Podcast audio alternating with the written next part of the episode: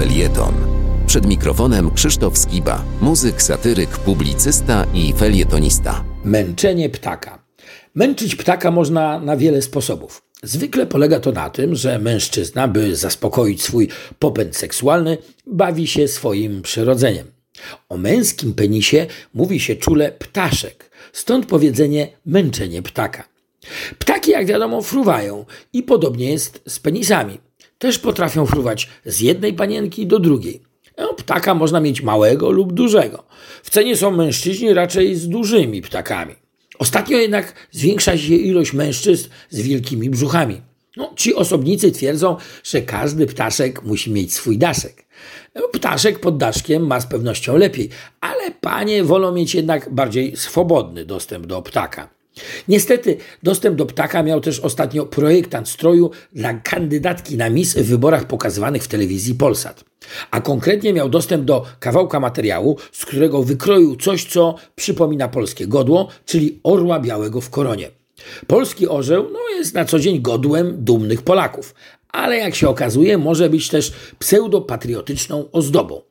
W tym konkretnym przypadku, wyśmiewanym jak Polska długa i szeroka, przepasana nim została kandydatka na mis niczym zdechłą kurą.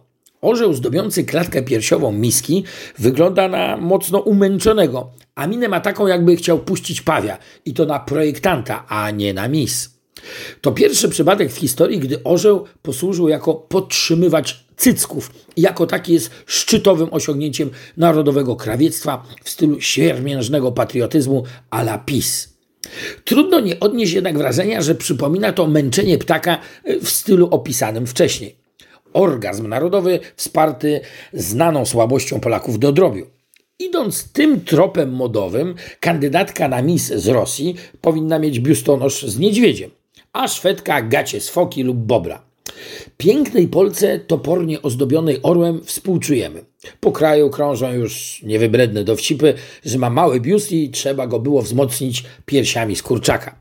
Tajemnica tej koszmarnej stylizacji, która ośmiesza Polskę i samą kandydatkę, no niektórzy prawnicy twierdzą nawet, że podlega to pod paragraf o ośmieszaniu państwowego godła ma swój radosny finał, gdy ujawniono, kto jest autorem tego pomysłu.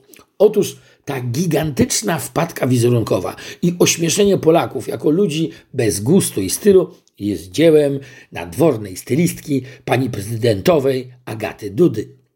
No i teraz wszystko jest jasne. Nawet trudno mieć pretensje. Pozostało się cieszyć, że nie kazali dziewczynie po wybiegu spacerować z krzyżem na plecach i różańcem w dłoni oraz koroną cierniową na głowie. Bo taki trend modowy zdaje się reprezentować ten nurt narodowo-kościelnego krawiectwa z poznaku krzyża i pały. A polski orzeł? No cóż, nie takie próby ognia już przeszedł, ale następnym razem zatrudnijcie kogoś, kto zna się na modzie i stylu. To jest szansa, że Polka na wybiegu zaprezentuje się bardziej okazale i bez kiczowatych dodatków rodem spod Jasnej Góry czy Lichenia. Wspieraj niezależne Halo Radio, które mówi wszystko. www.halo.radio ukośnik SOS. Dziękujemy.